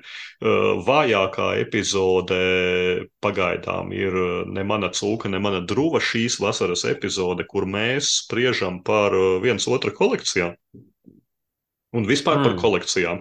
Man šķiet, tā bija laba epizode. Laba epizode jā. jā, padzeniet uz augšu, aizejiet, noklausieties. Tie, kas ir izlaiduši vasarā, protams, ka var izlaist epizodes, jo ir jācep gaļa, jādzer alus, bet tagad jau var atklausīties vēlreiz. Tur bija labs kreisais pa nopietno. Jā, nu tur bija spēle, tur bija Beasts un Juicy Fruits, kas varbūt nav tik uh, sulīgas spēles kā, nezinu, apiārijas, bet tāpat uh, tas, tas, tas bija foršs uh, un, un, un tāpat cienī, cienīgs tikt līdz simtniekam, kā pārējās epizodes klausījumos. Jā, vai tev ir kaut kādi piebildumi par šo topu? Nu, patiesībā nav. Es gatavojos vēl pārskatu statistikas un vēl, vēl, vēl, vēl verificēju ar Eiropas komisijām lielo topu pamazām.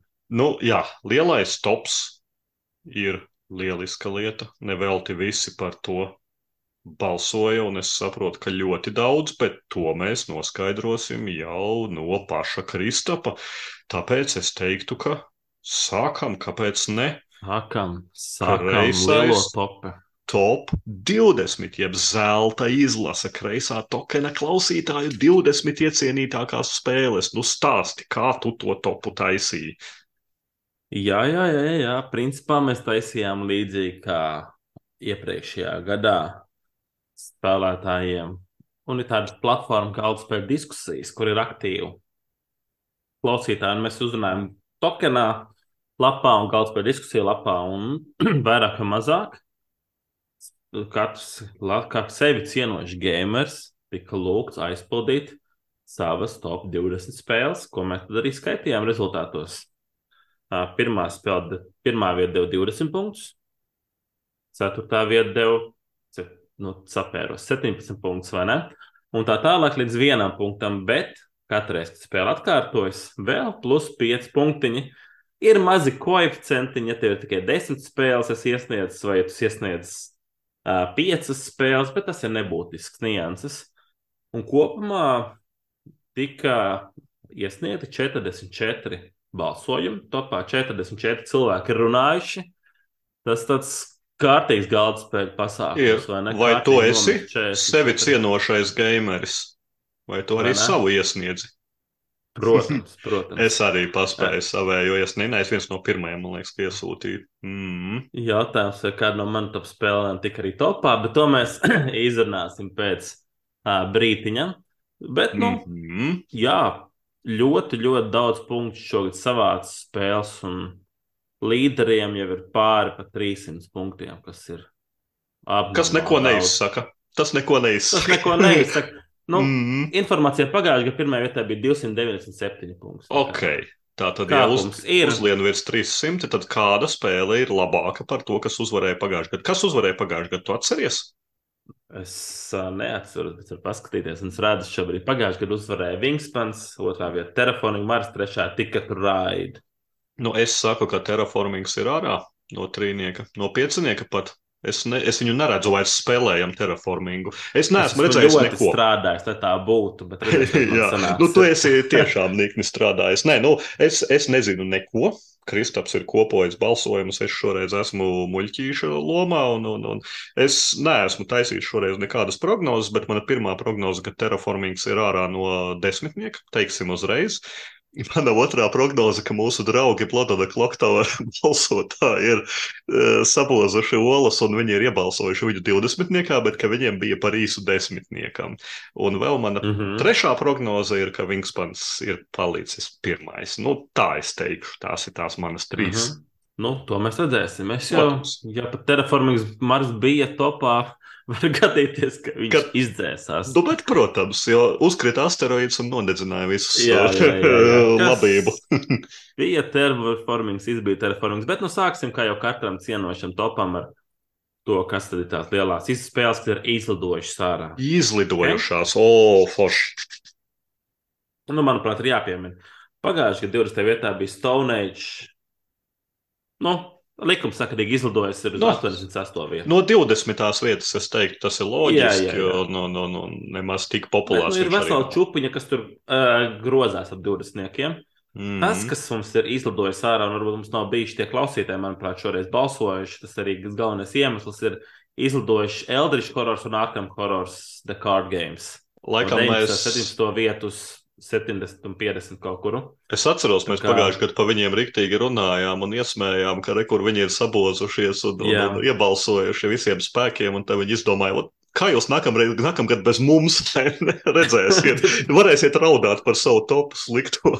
tagad, tagad redzēsiet. Jā, jā, jā, Varbūt būs jāraud, ka tur nav Eldričs un Arhams. Mm. Jo cilvēkam patīk šīs spēles, viņam tas rītīgi patīk. Ilgtermiņā Protams, viņas, nu, protams. Topā, topā, topos iet un vienkārši nav nobalsots. Nu, lūk, un cīņa lielā ir, kas uh, pierāda, ka reizē tokena nostāja, ka megakasts samazina spēlēšanu, ir Everdēls no 15. vietas 25. aizlidojis.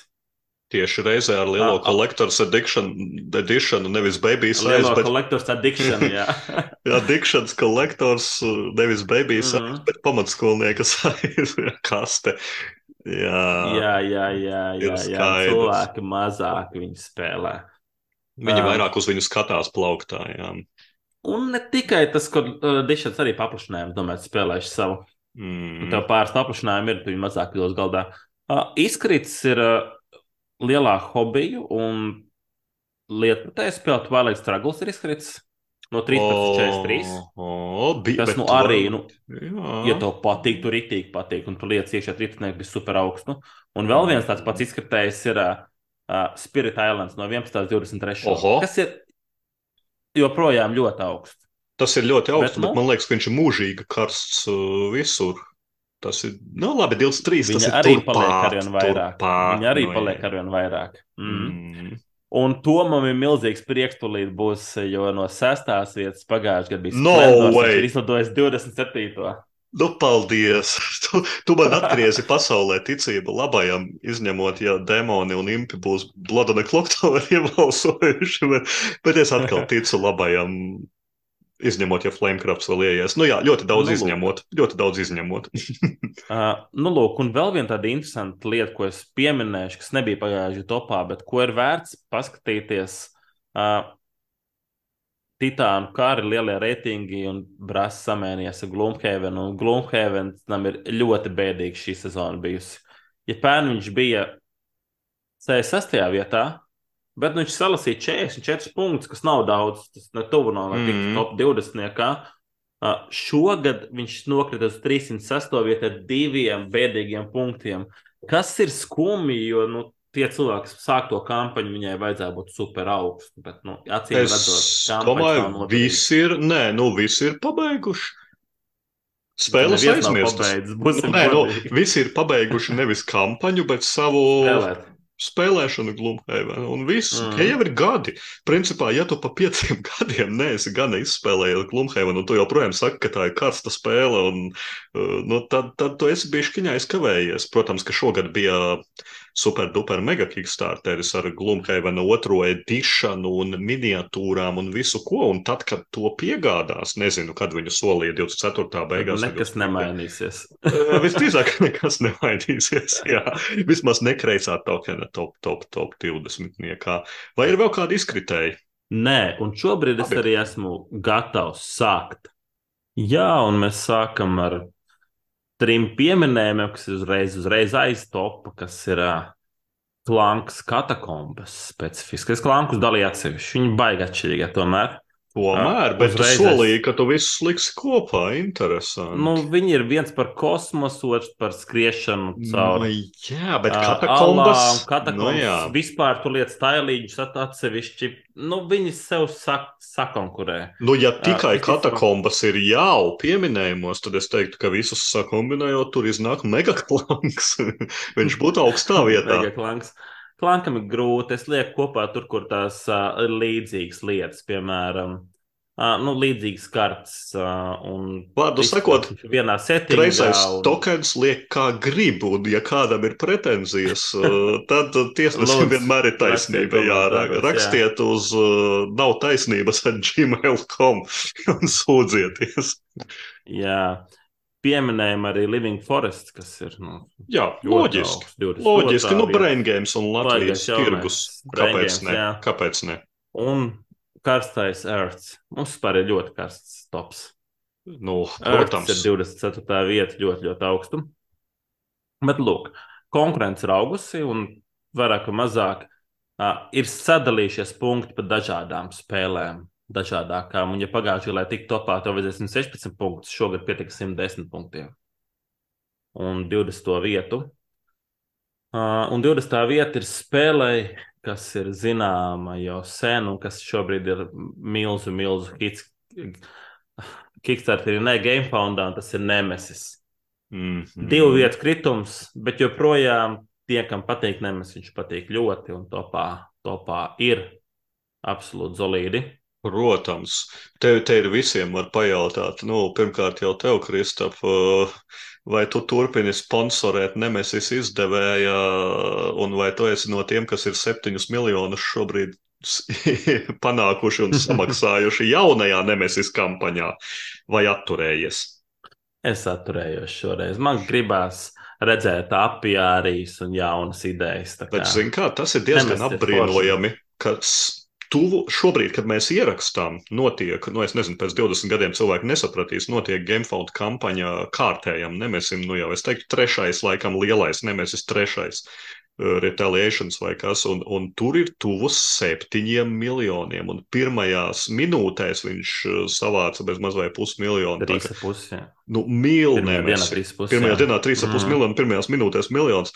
Cilvēki nenormāli mīl Nemesi. Un, protams, ka Jā. viņš ir 20. Protams. Bet tur arī ļoti daudz tie dūlē, kas kā uzreiz iet all-in ar visām miniatūrām. Tur Bet cenas tikai cena aug. Bet cenas tikai Mm. aug. Nu, tur ir jābūt ļoti jāpatīk spēlēt. Tu neies spēlē, kas tev nepatīk, vai kas tev bišķiņi liekas, ah, nu jā, fine, tu neies nolikt 200 eiro par, par viņu. Jā. Neies. Lai cik tur būtu smuks miniatūras. es gan teiktu, ka šeit ir gana vēl adekvāti tam, ko tu dabū, bet tu dabū pārāk daudz, un pēc tam to grūti menedžēt. Ir, Jā, tas, nu kā jau ar visu šī tipa. Mm, Mm, labi. ok. labi. 19. vieta ir mūžsanā klasika Seven Wonders. Kritums pa piecām vietām no 14. Bet spēcīgi. Es pieņemu, ka viņi savā starpā izkonkurēs viens otru, un Seven Wonders nākamgad lidos ārā. Es arī teiktu, ka, ja Mana viņš ir jau 19, tad nu jau nākamgad tas ir taciņa uz āru. Bet, eh, zini, kā ir, ja nu pēkšņi. Es nezinu, protams, braingame ceļi ir neizdibināmi. Ja, ja nu pēkšņi viņi dabūtu licenci un izdotu viņu Latvijā, Latvijas kotu, tad tā spēle liela izdod arhitektus. Es domāju, ka. Nu jā, Un drīzāk tos izdotāk. liek atsevišķi. Mm. Jā, bet ja viņi izdotu īsto Seven Wonder, tad viņš būtu desmitniekā nākamgad. Bet, nu jā, protams, ka tur noteikti ir licenšu jautājums. Seven Wonders ir ļoti liela, liela smaga licence, kur, ja es nekļūdos, vai tikai nav. Nē, viņa nav laikam pie asmodē, viņa ir savādāk. Jā. Bet, nu jā, Seven Wonders cienījams divdesmitniekā joprojām man ļoti patīk. Viņš tur Jā. turas. Runājot par pārizdevumiem, 18. vietā ir pārizdevums, kas uh, ir sas, piedzīvojis savu triloģiju un attiecies no dusmīgiem vīriem, kļūst par Mm. zvērdzīšanas spēli. Ir Great Western Trails. Plus 59 vietas. Vai tu skaitīji viņus visus kopā? Vai nebija, nebija vajadzība? nebija vajadzīga. Principā visi lika Great Western Trail. Ok, bet bija Bet, kāds uh, Argentīna un Ņūzīlands starp visiem balsotājiem, vai nebija? Man liekas, ka bija viens Ņūzelands, bija. Un to tu pieskaitīji klāt. Mm. To es pieskaitīju, jo Nu, tas pats settings, tas ir uh, jauns kā, paplašinājums un tā tālāk. Jā, jā. Uh, du, tas ir. Tas Zolīds. ir gruntīgs eiro, gruntīgs eiro. Skats. Un, un joprojām, un laikam es, es atļaušos minēt, ka arī kreisā tokena klausītāju topā tas gan jau ir augstākais pfisters. Es domāju, ka liels spoilers nebūs, ja tu piekritīsi, ka tas ir augstākais Jā, pfisters. tā Vai ir. arī? tā ir. Tas ir augstākais Nē. fisters, jā. Un tas ir augstākā mana spēle no mana top 20, kas ir ticis šī 20. O, tas ir vāji. Es saprotu, ka ja mēs ar tevi sacenstos ar saviem 20, tad tu šobrīd jau padotos un celtu ķepus Es padodos, man trīs spēles sakrīt.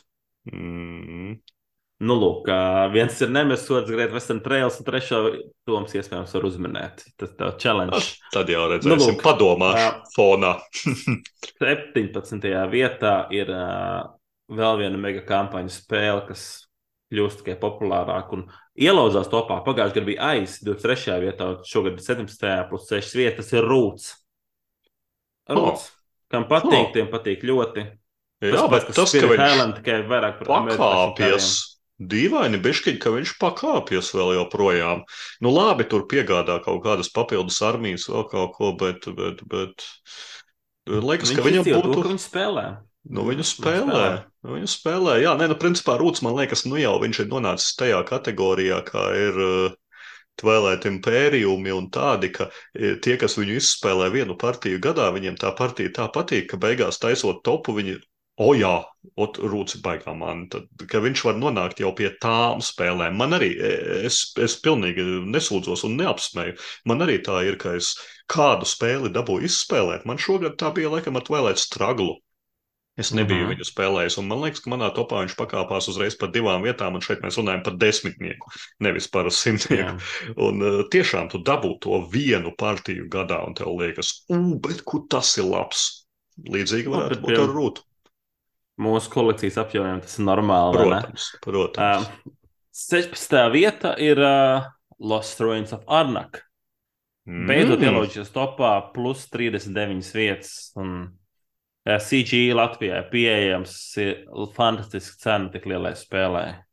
Jā, atrodam, jā, ļoti, te man, ļoti solīdi. te man rodas milzīga intriga par Lostroņu Sofārnaka brālēnu, kur viņus visi salīdzina vienmēr, un es vienreiz uh, teicu, ka nedrīkst salīdzināt, bet tagad jau pašam prasās zināt, tu nesaki, nesaki, sagaidīsim, vai būs vai nebūs tas viņa brālēns. Es pateikšu, vai nu pēc pāris vietām, vai nu pēc 16 vietām, vai nepateikšu. Jā, Nē, pēc, ja pēc Tā. 16 vietām, tad tu aizmirsīsi. Tas ir droši. Jā.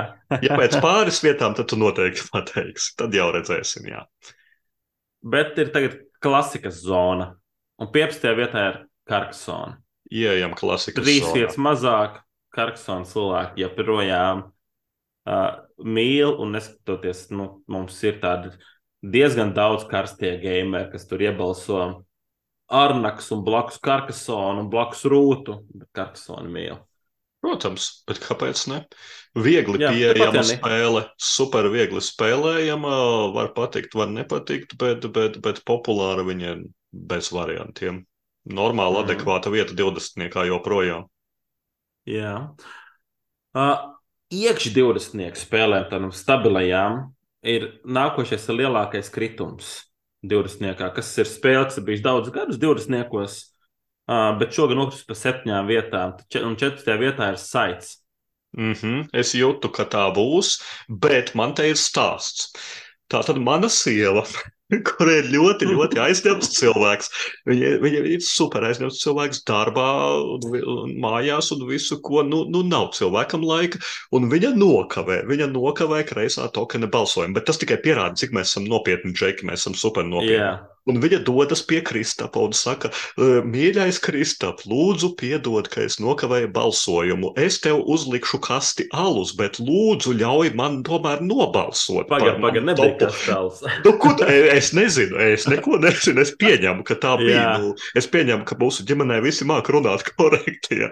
bet kā mēs pierādām, šie tiesneši ir neuzpērkami. Tas bija pēc termiņa, tāpēc uh, saits, cilvēks, kuram saits būtu pirmajā vietā, viņa balsojums netiek pieņemts, jo laiks ir laiks, termiņš ir termiņš, pilnīgi vienalga. Jā, nu ir, ir kritis saits, un, un es arī biju gaidījis, ka viņš būs kritis, jo Nu, neredzu, es neredzu, ka viņi baigi daudz spēlēt, izņemot pēkšņi pēdējos divos spēļu vakaros, ja gājis, kā man liekas, viņu rāva. Bet, bet tā ideja, ka pēdējā gada laikā, nu, maz spēlē saitu, maz, es teiktu, ka ir sācies tāds downfalls tā saucamais nu, viņam. Redzēs, kad Expeditions noies mazāk, tomēr faniem, gan jau kas saits atgriezīsies bišķīt. Nu, es gribētu tā cerēt, jo tā ir lieliska spēle, tā ir būtībā vislabākā spēle, bet nu, redzēsim. redzēsim. Es, man tiešām mm. nepatiktu, ja viņš pamestu top 20 kreisā tokena. Nu, tur man būs jāpiestrādā. Man viņš būs biežāk uh, cilvēkiem jāuzpušo. Tad, tad varbūt pacelsim atkal. jā, jā, jā. Nu, nu, jo, ja Kristīna būtu nobalsojusi, viņš varbūt pārvēltos top 10. Ar, ar lielu no, ar, ar pirmo zīmi. vietu un ar uh, papildus punktiem, jā, nu, jā, jā, tas, tas droši vien, mm -hmm. dotu. Bet, nu, jā, nu, tāpat tas nav saita cienīgi. Nav, viņam ir jāsapurinās. Un viņa faniem arī ņemiet vērā. mm -hmm. uh, lūk, 13. vieta ir man negaidīts kritums. Ņemot vērā divus paplašinājumus, kad pienākuši tirgu mega filmu, atzinību un visu kaut ko citu, 13. vietā ir Dune Imperiums. Te viņš ir. Tā, četru ne? vietu kritums, jā. Mm, četru mm. vietu kritums, kas. Jā. Vai tu skaitītu kopā, ja kāds liktu jauno 1.5 versiju, vai to tu neskaitītu kopā? Tā laikam Latvijā vēl nevienam nav. Aprai, nav, apraizings. Kad parādīsies, tad arī likšu, tad, likšu tad, kopā. Tad... Es, šo es skaitītu kopā. Mm. Jo vairāk vai mazāk tas ir tas pats, tas tā kā expansion moduļi dažādi. Nu, maz vai jā. jā, mm. jā. Nu, jā, nē, nu, tas joprojām ir tuvu top desmitniekam. Un, uh, es par ģūniem pirmiem teiktu, ka tas ir kā ar jebkuru intelektuālo piedarību IP, ka jebkas, kas ir IP, viņš tomēr viņš ir. Topos viņam nav tik vienkārši pakāpties, teiksim tā, jo ja kādam tas IP neinteresē vai nepatīk, tad viņš automātiski to spēli izslēdz es to īsti negribu spēlēt. Tā ka joprojām, jebkas, kas ir IP un grozās ap top 10, tā ir lieliska, lieliska vieta. Un tā ir laba Jā, spēle, protams. protams. Un topā ir ielauzies vecmeistars. 12. vietā tā ir Katana. Pagājušajā gadā nebija topā. Ha.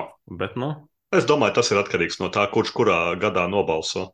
Jo jā, jā, jā. tas, ka Katanas ieceļotāji Latvijā ir super, duper, mega populāri. Par to neviens nešaubās, un viņu tiek spēlēti dažādos brandgames spēļu vakaros, ko viņi organizē kaucēm pa visādiem Rīgas iestādījumiem. Un tas ir kā kuru reizi, kurš nobalso. Vienu gadu Karkasons būs, nebūs, citu gadu Katana būs, nebūs, bet, bet, bet tā, tā fanu bāze ir milzīga tai spēlē. Jā, tāds ir. Uh, un 11. vietā ir mans pārsteigums patiesībā kas, es nezinu, kāpēc ir ielauzies. Jo it kā tur nekas jauns nav baigi bijis, ja neskaidro to fanošanu par šo, bet tas ir tapestrīs. 11. Oh. vieta, 17 vietām kāpums un Jā, es, es pieņēmu, ka par neko jaunu nav bijis. Mūsdienās paplašinājumu vairs neuzskata. Ja? Tas ir kā kaut kāds kā, kārtējais sūdenis, vai ne? Tur jā, paplašinājums iznāca. Bet, nu jā, tāpēc trīs gadījumā es teiktu, ka paplašinājums, protams, bijis, bijis, nebijis nemaz tik ļoti viņš neko nemaina, jo tāpēc trīs paplašinājumi vienkārši dod klāt papildus lietas. Un gan jau kā arī inserts mm. nebija tas, kas viņu uzcēla. parādījās inzerts Jā, nu, eh, zini, es, es domāju tagad par savu balsojumu. Man nav par rokai mans Excelis. Es arī taisīju, kā jau katru rudeni, savu balsojumu un arī iesniedzu godīgi. Man šķiet, ka manā balsojumā iespējams, ka tāpēc trīs pat arī pakāpās. Pakāpās uz trīnieku, uz trešo vietu Jā. viņš ielīda. Tā kā ir, ir, ir, ir, ir kaut kas tajā spēlē, ir, ka viņi joprojām Manā strādā. balsojumā 340. Nu, tas, ir, tas parāda tavu ļoti slikto gaumi, ja, vai tu pasūti jā. pīci ar anšoviem vai, vai, nespēlē tāpēc trīs. Un ananāsiem. Ananāsu pīcis jāatzīst, ka man patīk, lai ko viss smietos. Bet Arī es gribētu uzspēlēt tapestrī. Tagad ir laiks pamēģināt. eh, Man, man, man eh, bija izcila partija runājot par tapestriju pēdējās ziemas nometnē Jaugavas galda spēļu kluba ar visiem tai brīdī pieejamajiem paplašinājumiem. Mēs izspēlējām toļi piecu cilvēku vai četru, bet nu lielo tapestriju. Nu, Tiešām izcila forša, forša, forša partija bija. Ir tajā spēlē, joprojām viņā ir iekšā, un kāds no joprojām tā nav nemaz tik veca spēle, bet uh, strādā. Manai gaumē strādā lieliski. Žēl, ka nav desmitnieks. Mhm. Un dīvaini, ka augstāk par saitu. Dīvaini. Nu, jā, bet tad uh, desmitajā vietā otrs lielākais kritums topā. Mīnus 6 vietas no 4. vietas. Un ir man pārsteigums, ka tas ir kritums, jo tomēr tā spēle sasniedz fantastisku sniegumu šogad. Uh, pasaulē tas ir Brāzs Birminghams. Mm. Vai es liku kopā ar Lankšīru? Jā, es liku kopā ar Lankšīru, bet Lankšīra taisnība bija nobalsojis viens cilvēks ar maziem punktiem. Tā kā nu, Jā, jā. to var ņemt vērā, bet, nu, Nu, jā, Brāzs ir kā saka, bet... Līderis vai ne? Līderis mm. pie mums joprojām ir arī desmitniekā, kas ir labi. Es arī zinu cilvēkus, kas viņu ļoti, ļoti ciena. Un, un mēs paši esam sprieduši, cik, cik, cik brāzs ir foršs. Nu, pārsvarā to es vienu reizi esmu spēlējis. Nevaru tā pārāk daudz nokomentēt. Desmitnieks es teiktu, ka ir cienīgi, bet eh, nu, es arī neredzu, ka viņu tik daudz vairs spēlētu kā pirms gada, piemēram. Jā, Varbūt jā. kā adekvāta lejupslīde. Jautājums, cik viņa turpināsies? Vai izies ārā no 20, vai nostabilizēsies kaut kur ap 14, 15, kas, manuprāt, ir visdrīzākais. Tā bija arī pēdējā spēle, ko man sakrita ar kopējo topu. Manā vietā, manējā tas ir 12. vietā. Wow! Tā Tad, kā- es, tad, un tad viss- nevar būt, ka tā spēle nebūs. Tai spēlē ir jābūt top 9. Tad tev viņa vairs nav. Tev vairs nepatīk jaukt dziras. Ak, tā Nu, ir skaidrs. to mēs Labi, redzēsim. Redzēsim. Uh, devītniekā ir mazais divspēlētājs Seven Wonders, Seven Wonder Duels. Mm -hmm. Ar kāpumu plus 5 vietas, manuprāt, cienījama, manuprāt, viena no labākajām divspēlētāju spēlēm. Absolūti prieks.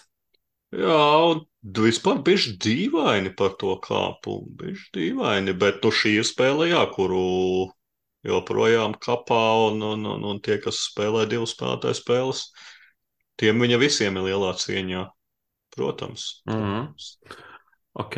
Astotajā vietā ir dzieru jaukšanas spēle, The Quacks of Quedlinburg. Ja Quedlinburg spēšļo pīš, pūšļot. Pīšļotāji, bet kā tev var Pīšļotāji. nebūt pīšļotāji topā vairāk? Kas Nu, tev ir nav. Es noticis? skatos, ka man viņi ir uh, 30. kaut kādās vietās. Nu, tad man liekas, ka tevi piečakarēja pabnība. 39. Pabnīpls tevi piečakarēja, tu kaut kur ne tā viņus nometi. Nu, Uzreizēs korozijas, iedomājies. Jā, nu, Nē, nezinu. man ir fantastisks labs piedesnieks. Esmu es paskatījos uz savu pabmīplu un wow, šitais. ir Nu, es, es pat vēl es esmu gatavs, uh, kā pokerā saka, apdēntī vai nē. Es varu teikt, ka man ir fantastisks simtnieks. Man, mans simtnieks ir tāds, kur Mhm. liekas, ka jebkuru uh, ierosiniet spēlēt, es ceļu ārā un spēlējam. Bet Jā, kvaki, jā. kvaki, protams, ka kvakiem ir jābūt desmitniekā. Nu, nu, varbūt ne gluži tev, bet, bet pārsvarā nu, viņi ir tik populāri un, un, un, un tik forši. Ka, jā, ar Jā, latviešu jā. izdevumu, protams. Absolūti cienīt. Uh, septītā vieta.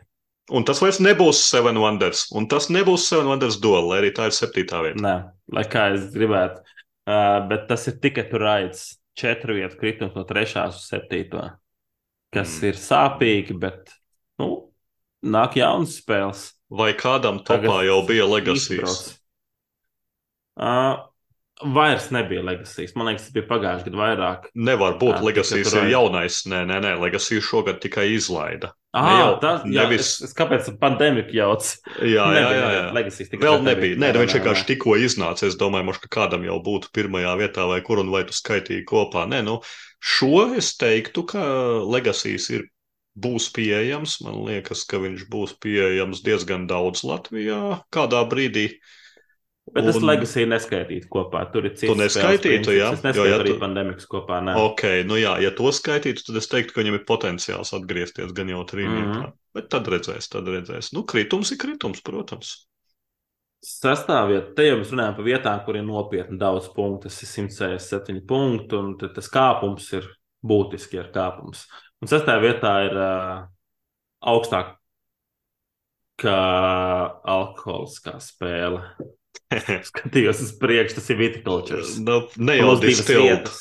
protams. Nē, distilt, nē. Plus divas vietas. Un... Tu iedomājies, Jā. joprojām Stonemeyer game pirmais produkts vispār, ar ko viņi parādījās, un viņš 23. gadā iegūst plus divas vietas. Mm. Tas ir spēks, tas ir spēks. Bet, nu, jā, interesanti, ko tu šeit darīji. Ah, nē, World, gan jau neviens nebalsoja, Viticulture World. Nevienam nepatīk viticulture valsts. Nē, nav runa par to, ka Neviens nepatika. Nē, nē, visi vienkārši viņu iekļāva iekšā pie parastā viticulture. Tici man. Es, es teiktu, ka iespējams, ka World paplašinājums. Es neiekļautu viņu.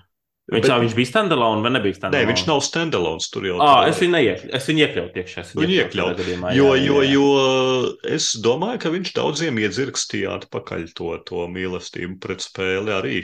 Uh, Mhm. Jo, jo tur ir savs. Mēs arī joprojām turpinām uh, ik pa brīdim izvilkt dažādās kompānijās to kampaņu un strādā. Tas kooperatīvais režīms, viņš sasodīti labi strādā.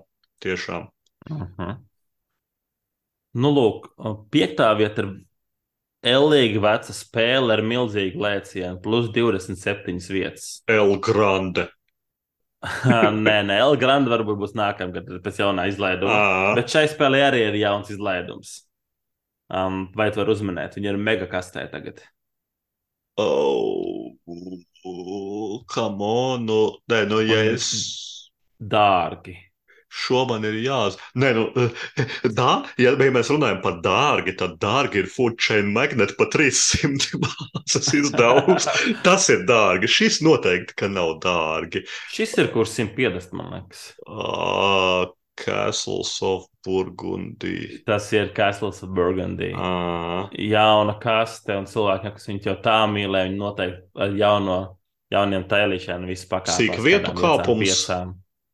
27. Vietas. man tā likās, ka viņš nebija pagājušo gadu 20. Mm. Viņš bija 32. Viņš nebija. Nē, nē, nē. Nu, jāatzīst, ka man Castles of Burgundy nav augstā vietā, bet ja man būtu tas mega smukais Game Fonda izdevums, viss kas, tad es viņu arī ar prieku atkal izspēlētu. jo nu, tur, Jā. tur izskatījās, ka beidzot tā spēle ir padarīta vizuāli baudāma. Mm. Uh -huh. Nu, lūk, ceturtā vieta ir absolūts jaunums. Nebija šedevrs, kur pirms gada vispār neviens neko nav balsojis nereizi. Flamecraft. Nē, nē, nē, nē, nē, nē, nē, nē. Tā būs trešā. No, tā.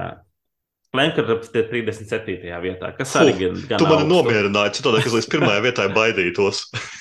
Ceturtā vieta ir uh, kultisti. Blood on the Clock Tower. tā kā Viņi savīkšēja, viņi savīkšēja un iebalsoja. Mhm. Sabalsoja spēcīgi. Tur nāca daudz 20. Tas, tas parāda, Tā ka pie kārtīga, pie labi un e, kārtīgi izveikta negotiēšana, tu vari jebkuru vēlēšanu rezultātu viltot. tas, tas ļoti spilgti parāda, kā tas notiek. Ļoti, ļoti laba izvēle. Tā ir interesanti. Viņš daudz top 1 skatos, kā Clock Tower, pēc tam nāk On Mars. Pēc tam nāk Western Legends, vai ne? Mm. Pēc tam nāk Kaskādī, vai ne? Mēs skauts. Tā tālāk pēc Clock Tower viņš cilvēks tāpēc balsoja, sabalsoja vēl visu kaut ko interesantu. Jā, interesanti, kā, interesanti. Mm. Nu, stilīgi. Labi, man, man ir prieks, ka ar šo no, mēs atšķiramies no kaut kādiem daistāvēr un visādiem tādiem topiem. Kreisā topeni klausītāji, viņi, viņi pateica, kur ir Blotana Kloktover. Bet, nu, kultistiem nākošais gada ir augsts latiņa. Oi, tikt, tikt, tikt da nav runa par desmitnieku, viņiem ir jāuzstāda cits mērķis. Viņiem ir vispirms jāiet mm -hmm. pēc medaļām, pēc tam pēc zelta. Viņiem bija 197 punkti. Tā kā jau var rēķināt, vai ne? Um, bet nu, trešā vieta ir uh, par spīti antikampaņām, nomelnošanas kampaņām, uh, visu kaut kādām runām. Ir izdevies tikai vienas vietas kritumu piedzīvot terraforming Marsam. Wow! Ar, un tāda ir 260 punktiem. Gan drīz pa Tas 70 ir. priekšā Bladam un Kloktāvēr. Nu, kultistiem ir ko ņemties. Tālu priekšā, jā, pirmais trīnieks. Jo projām viņš ir tik spēcīgs. Nē, es par to tikai priecājos. Tā ir otrā visu laiku labākā spēle. Lai ko teiktu tu, Krista. Bet jā, ir. ir. Manā topā viņš bija no tām bezcerīgajām spēlēm. Es izņēmu Terraforming, Mars Mansions of Madness, kur tu zini, nu, tāpat tās nu, 600 vietas, kur tur viņam tur spaidīgi. No, jā, paliek. nē, uzmetieni, jā, tie, tie iet prom. Jā. Mm -hmm.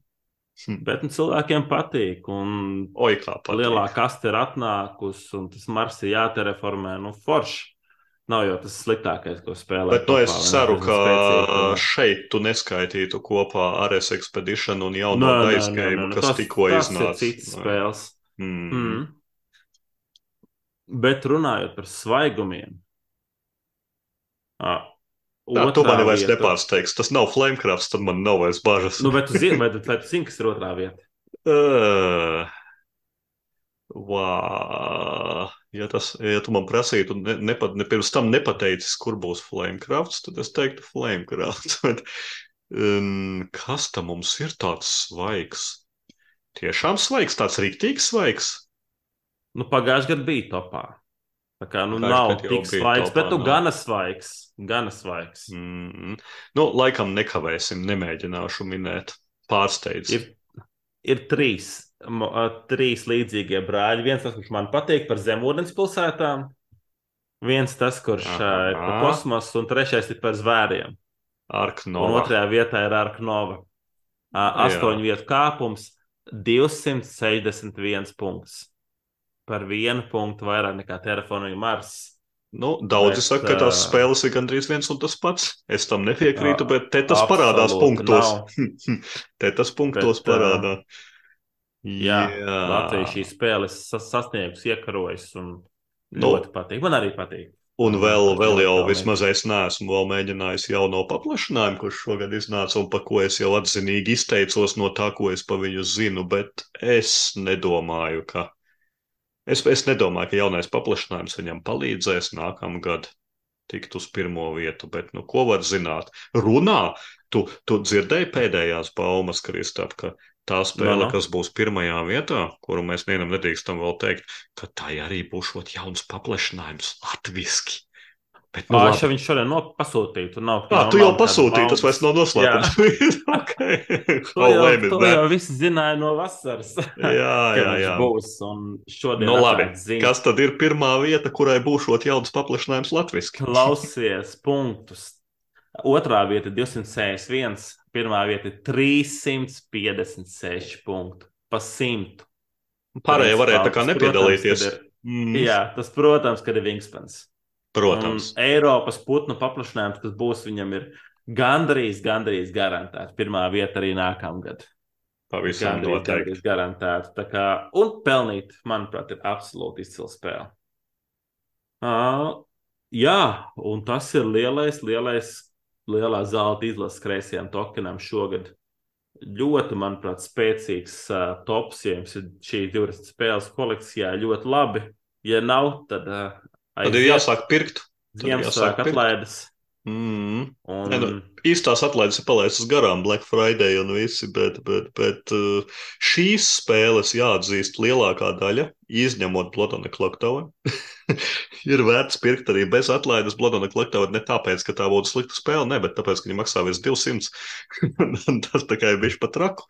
Bet, bet, bet uh, lielāko Mhm. daļu no šīm spēlēm es teiktu, ka, ja tu esi gameris un tev šīs spēles vēl nav, un, un, un ja tu veido labu kolekciju, tad sāc domāt, kurā brīdī tu viņu iegādāsies.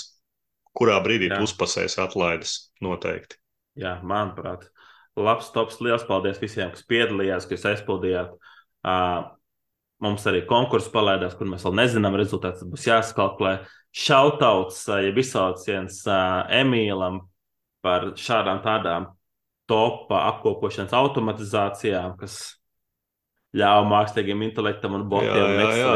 Es taisījos teikt, ka mums tagad ir mākslīgais intelekts Emīls. Jā, tā mēs viņu nosaucam.